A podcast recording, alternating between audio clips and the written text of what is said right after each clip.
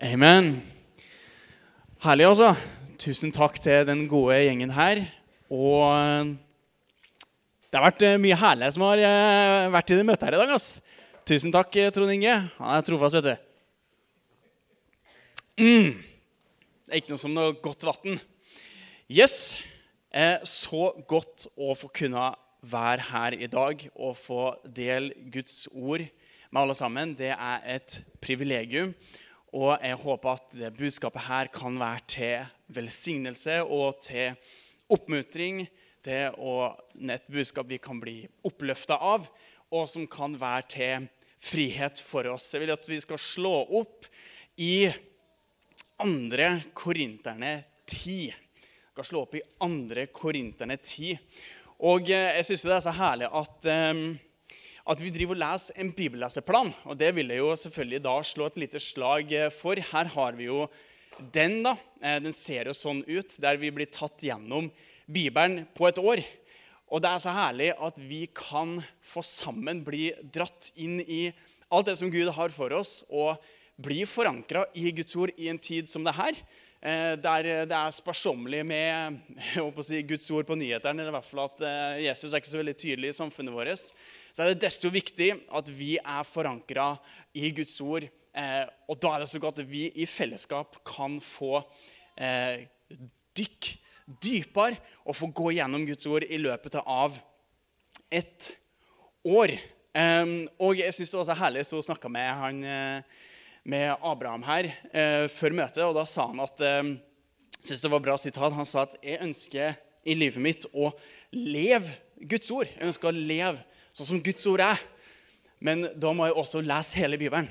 Så han, så, han sa at han var så takknemlig for den bibelleseplanen at han kunne personlig få gå gjennom Guds ord og få lov til å da leve Guds ord.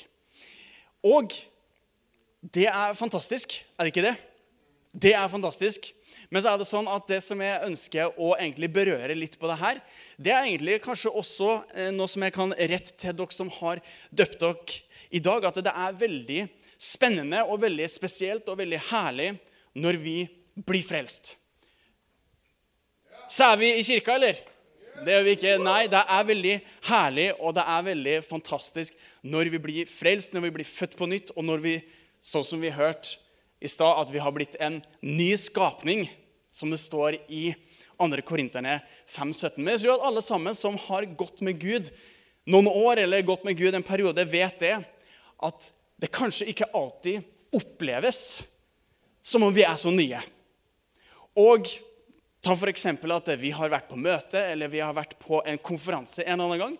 Noen som har vært på noen konferanser eller vært på noen ungdomsleirer. eller sånne ting. Ja, ikke sant? Vi, fleste av oss har vært på det.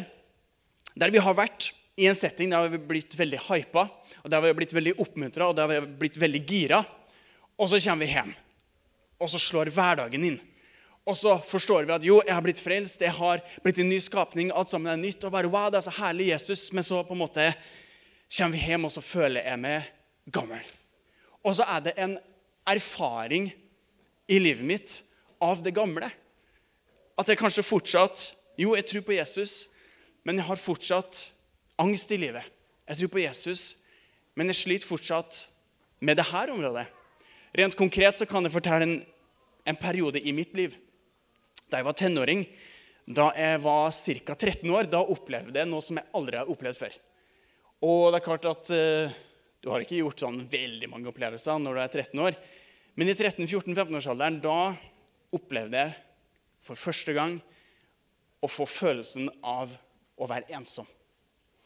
Og jeg har vokst opp i en kristen hjem og tror på Jesus. Og hvis du hadde spurt meg på den tida om Jesus var i livet mitt, så hadde jeg kommet til å sagt ja, selvfølgelig er han det. Men fremdeles så gikk jeg med en erfaring av at jeg var ensom. Jeg gikk med en erfaring av at jeg var eh, jeg, vil, jeg, vil, ikke si jeg var deprimert, for det vet jeg jo kan være mye dypere enn det jeg opplevde. Men jeg var i hvert fall veldig mye lei meg. Jeg var veldig mye alene. Og sjøl om jeg på en måte hadde det greit hjemme og på skolen, og sånne ting, så var det i andre ungdomssettinger og i sosiale settinger så så var jeg mye alene, var mye ensom og gikk veldig mye og var nedfor. Var jeg. Sånn at Jo, jeg på en måte er frelst og er kristen, men det er på en måte noe fra gamlelivet som, som henger etter, og som ligger og lugger. Og jeg føler liksom ikke at jeg går i alt det som Gud har for meg.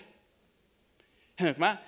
Det er som jo, jeg vil leve det Bibelen sier, men jeg, det ligger og lugger der. Det er noe som jeg ikke har gått inn i, det er noen ting som jeg ikke har tatt imot, eller det er noen ting som jeg ikke erfarer enda. Men folkens, jeg tror det at Gud han har en annen plan for livet vårt. Jeg tror at Gud han har faktisk gjort oss til en ny skapning. Han har faktisk gjort en hel del ting i livet vårt som han ønsker å ta inn i vår erfaring. Jo, det er klart det at vi kan ha, vi kan ha noen erfaringer, men så er det faktisk sånn at når vi blir frelst, så er det faktisk en hel del ting som skjer, som kanskje ikke vi har erfart ennå, men som fremdeles er sant. Og det er det jeg ønsker å berøre litt. Det er hvordan sannheten kan få komme og erobre vår erfaring. Og sjøl om vi kanskje ikke erfarer det akkurat nå, så betyr ikke at det ennå ikke er sant. Ja, for kanskje vi sliter med angst, men det betyr ikke at Gud ikke har en annen historie for det. Ja, kanskje vi sliter med synd eller skam eller et eller annet fra fortida, men det betyr ikke at Gud ikke har en annen historie for det. Jeg tror at Gud ønsker å ta oss inn i alt det som han har for oss. For Jesus døde på korset ikke bare for at vi skulle komme til evig liv, men for at også det evige livet skulle få komme ned og erobre vår hverdag her. Så er det sånn at de erfaringene som vi gjør, eller det som vi går gjennom, det kan danse sånne mønster det kan danse sånne tankemønster ofte. Og da blir spørsmålet hvordan kommer man ut av det? Jeg er veldig glad for at du spurte, for det er akkurat det jeg har planlagt å preke om. Og Da har dere sikkert eh, slått opp i 2. Korinterne 10. Og Der er egentlig et veldig enkelt budskap, men jeg tror likevel at det er masse masse kraft i det hvis vi griper tak i det. 2. Korinterne 10, der står det Fordi når det er sånn at vi har våpen, eller vi nei, når vi har problemer eller kamper, da blir vi gitt redskap eller våpen. Og Gud han har gitt oss noen våpen, og det står det i 2. Korinterne 10. Det står det her 'Våre våpen', står det. Våre våpen. Ikke sant? Så er det ikke sånn at noen ganger så kan de issuesene som vi drar med oss fra gamlelivet, kan føles som en kamp. Vi kjemper mot noen ting. Ja, og vi har blitt gitt våpen. Våre våpen er ikke fra mennesker. Ja, hva betyr det? Det betyr jo at det er jo ikke noe som vi gjør eller produserer, eller noe som vi må kanskje gjøre i vår egen kraft eller prøve å få til eller fikse sjøl. Våpnene våre er ikke fra mennesker, er ikke menneskelige, er ikke kjødelige. Men, så står det, har sin kraft fra Gud. Ok, hør på det. Har sin kraft fra Gud. Så hvis du har våpen, så har du også noe makt i de våpnene. Atomvåpen har jo en slags makt i seg. Og våre våpner har sin kraft fra Gud, som kan gjøre hva da? Det står videre legge festninger i grus. Ok, Det er ganske stor forskjell på en festning og grus. Har du vært på festningen oppe her? Den er ganske stor og fin og flott. og et Bra bygg. Det skal litt til å slippe et våpen på den og panglegge hele greia i grus. Da skal det være mye kraft i, i det våpenet. ikke sant? Men det våpenet som vi har, det har kraft fra Gud og kan legge festninger i grus. Ok, Så vi vet vi har våpen. Det er ikke fra mennesker. Det har kraft fra Gud, og det kan legge festninger i grus. Og hva slags type festninger? Og det står det her. Vi river ned. Se på her. Og Hvis dere har en penn, eller et eller annet, så kan det være interessant å streke under her. Vi river ned tankebygninger. Vi river ned tankebygninger og alt stort og stolt som reiser seg mot kunnskapen om Gud. Vi tar hver tanke til fange under lydigheten mot Kristus. Og når dere har nådd fram til full lydighet, står vi klare for å straffe enhver ulydighet. Og det er det som Gud ønsker at vi skal få lov til å erfare. At hans sannhet skal få lov til å erobre vår erfaring. Fordi det står i Johannes 17, 17, Hellige dem i din sannhet. Hellige dem i din sannhet. Ditt ord er sannhet. Sånn at jo, det kan være ting som vi erfarer, og som vi erfarer inni hodet vårt, men sannheten, den er fortsatt sann. Sannheten står fortsatt fast, og den har kraft til å rive ned tankebygninga i vårt sinn. Så ofte de kampene eller ofte de tingene vi går gjennom, eller kanskje den angsten eller den frykten eller den greia, de festningsverka som vi har i hjertet vårt, det fungerer oppi vårt sinn.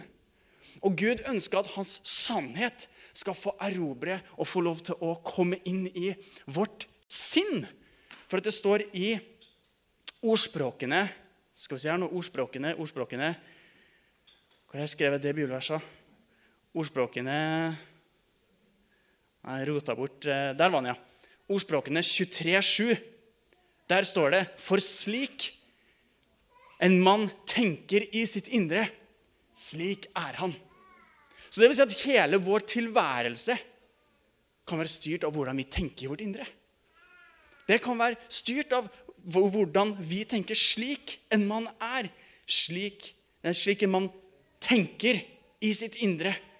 Slik er han.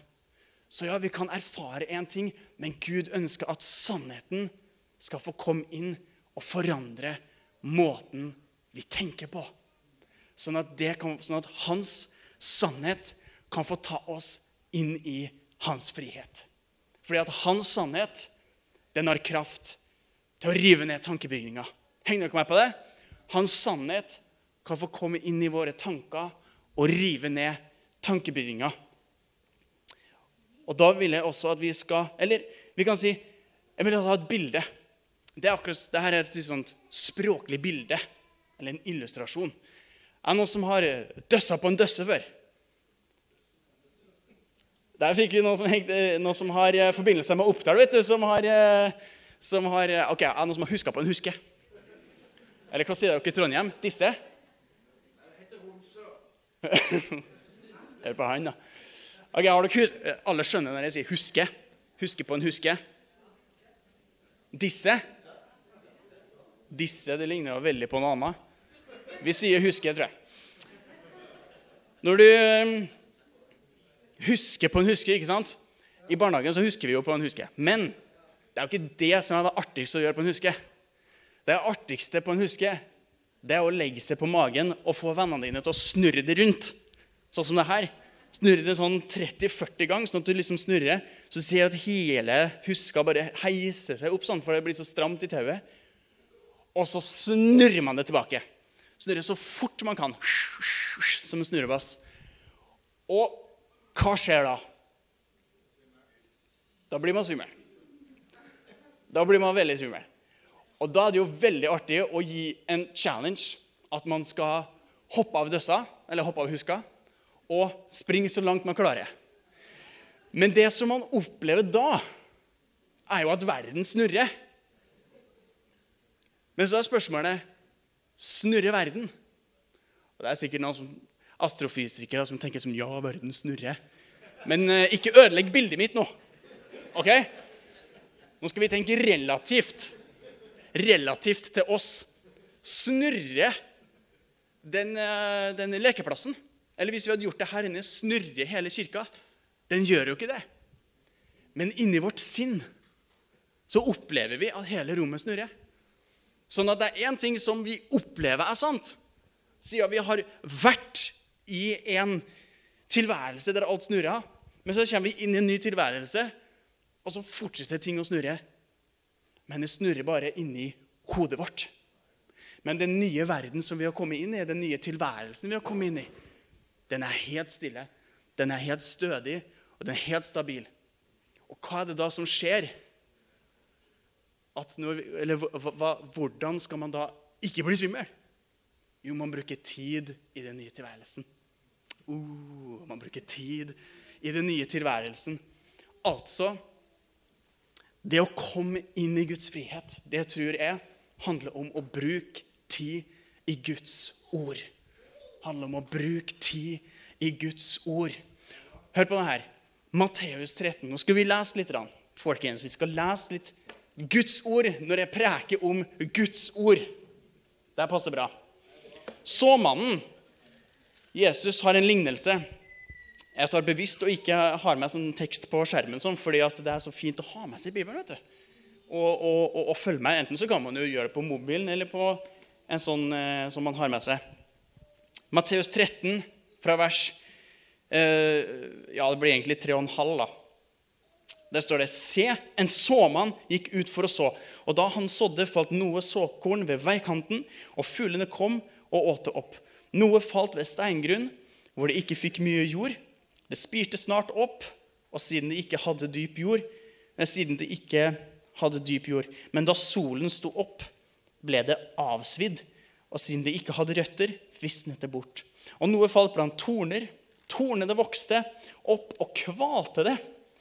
Men noe annet falt i god jord og ga frukt. Noe hundrefold, noe sekstifold, noe tretti. Den som har øre å høre med, han må høre. Senere så ber jo disiplene om å, Jesus å forklare det her, for de forsto det ikke. Og Da forklarer Jesus det. Han sier, 'Hør derfor lignelsen om såmannen.' Det er fra vers 18. Hør derfor lignelsen om såmannen. Når noen hører rikets ord Høres ut som en navn på en menighet. vet du.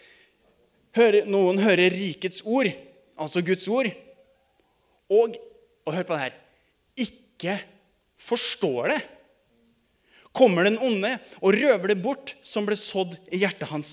Dette er den som tok imot såkorn ved veikanten. Så her har du Det blir sådd, Guds ord blir sådd, Guds rike blir sådd i et menneske. Ja, de hører det, men de forstår det ikke.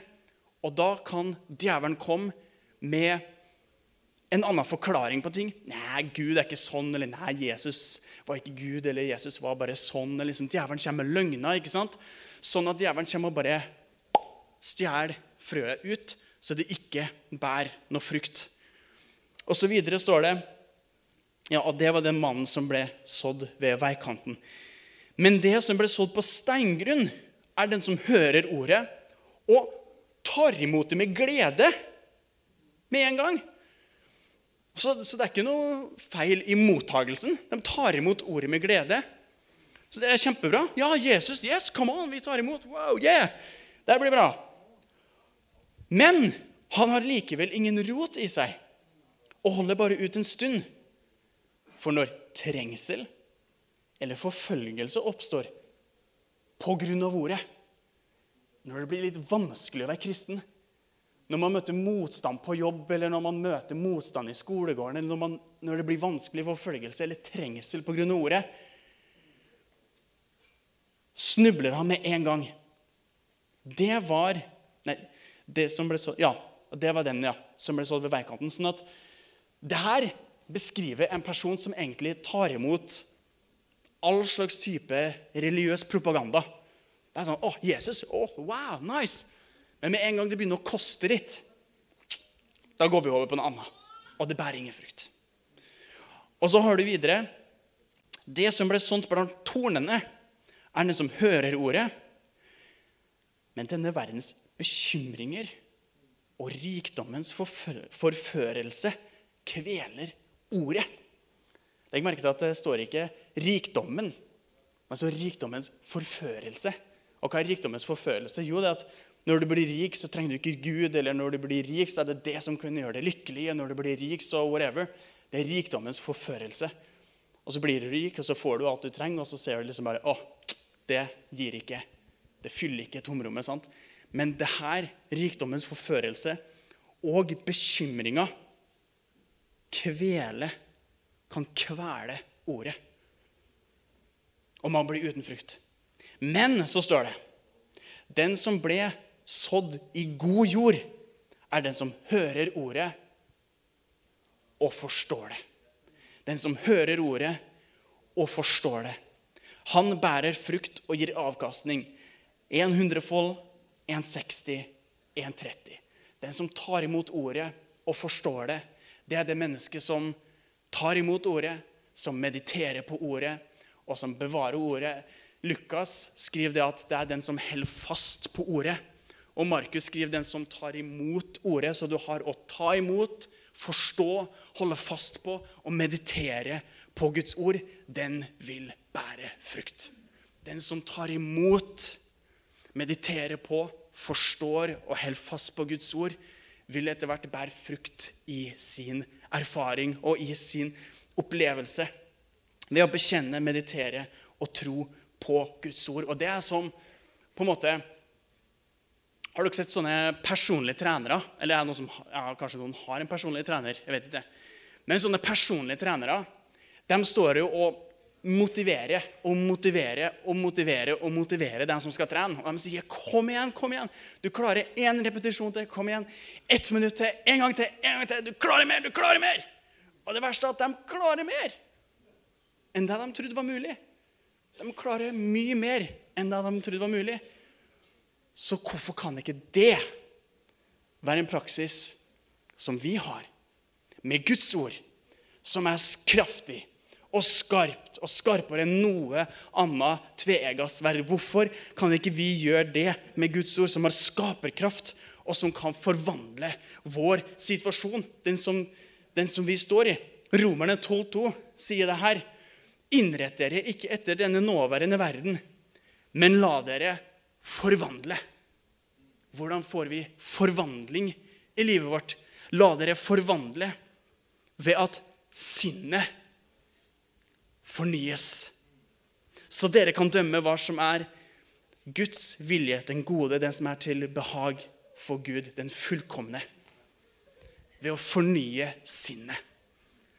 Hva betyr det? Hva betyr å fornye sinnet? Jeg tror at det handler om å tenke det som Gud tenker. Tenke hvordan Gud tenker. Tenke om oss, tenke om situasjoner og tenke om det som er mulig. Eksempel om du sliter med angst. Om du sliter med angst, så kan man gripe tak i Guds ord, og så kan man se på 2. Timoteus 1,7.: For Gud ga oss ikke en ånd som gjør motløs, men vi fikk ånden som gir kraft, kjærlighet og visdom. Om vi sliter med ensomhet, så har vi Salme 23. Herren er min hyrde, det mangler meg ingenting. Sliter vi med bekymringer for framtida, denne verdens bekymringer, så skal min Gud, som er rik på kjærlighet i Kristus Jesus, gi dere alt dere trenger. Det fins vers som vi kan forankre oss i for enhver situasjon som vi står i, og Guds ord, som har kraft til å rive ned festningsverk, kan få komme inn og erobre vår erfaring. Men da tror jeg også at det handler om å bruke tid i Guds ord. Fordi å forstå det gjør man ikke med en gang. Kanskje man ikke opplever det med en gang. Og kanskje det koster litt tid. Men Guds ord har kraft til å legge festningsverk i grus. Og Der ønsker jeg bare å dele en liten historie fra faktisk min svigermor, som opplevde nå da hun var liten, der hun eh, hadde eh, noe som måtte undersøkes, da, kan man si. Og hun vokste opp på en øy eh, langt ute i Osen, der hun ble tvangs... Altså hun ble tatt med tvang da, til sykehuset for en undersøkelse. Det, altså, det måtte skje nå. Og basert på den hendelsen så utvikla hun det som kalles for separasjonsangst. Altså en sånn angst for å separeres fra det som er trygt. Fra foreldre og sånne ting. Altså Hun fikk en, fikk en separasjonsangst som hun tok med seg i sitt voksne liv. Og ja, hun ble frelst. Ja, hun trodde på Jesus. Ja, hun fikk et nytt liv. Ja, hun ble en ny skapning. Ja, hun fikk alt dette her. Men angsten og erfaringa var der fremdeles. Det var fortsatt noe som hun opplevde fra det gamle livet, som lugga, og som fortsatt var der. Men så gikk hun på bibelskole på Livets ord, og da bestemte hun seg aldri mer. Aldri mer. Så da begynte hun å arrestere de erfaringene som hun hadde. Angsten, og så hadde hun mye eksem på kroppen. Mye eksem, Veldig allergisk. Så da begynte hun å meditere på Guds ord.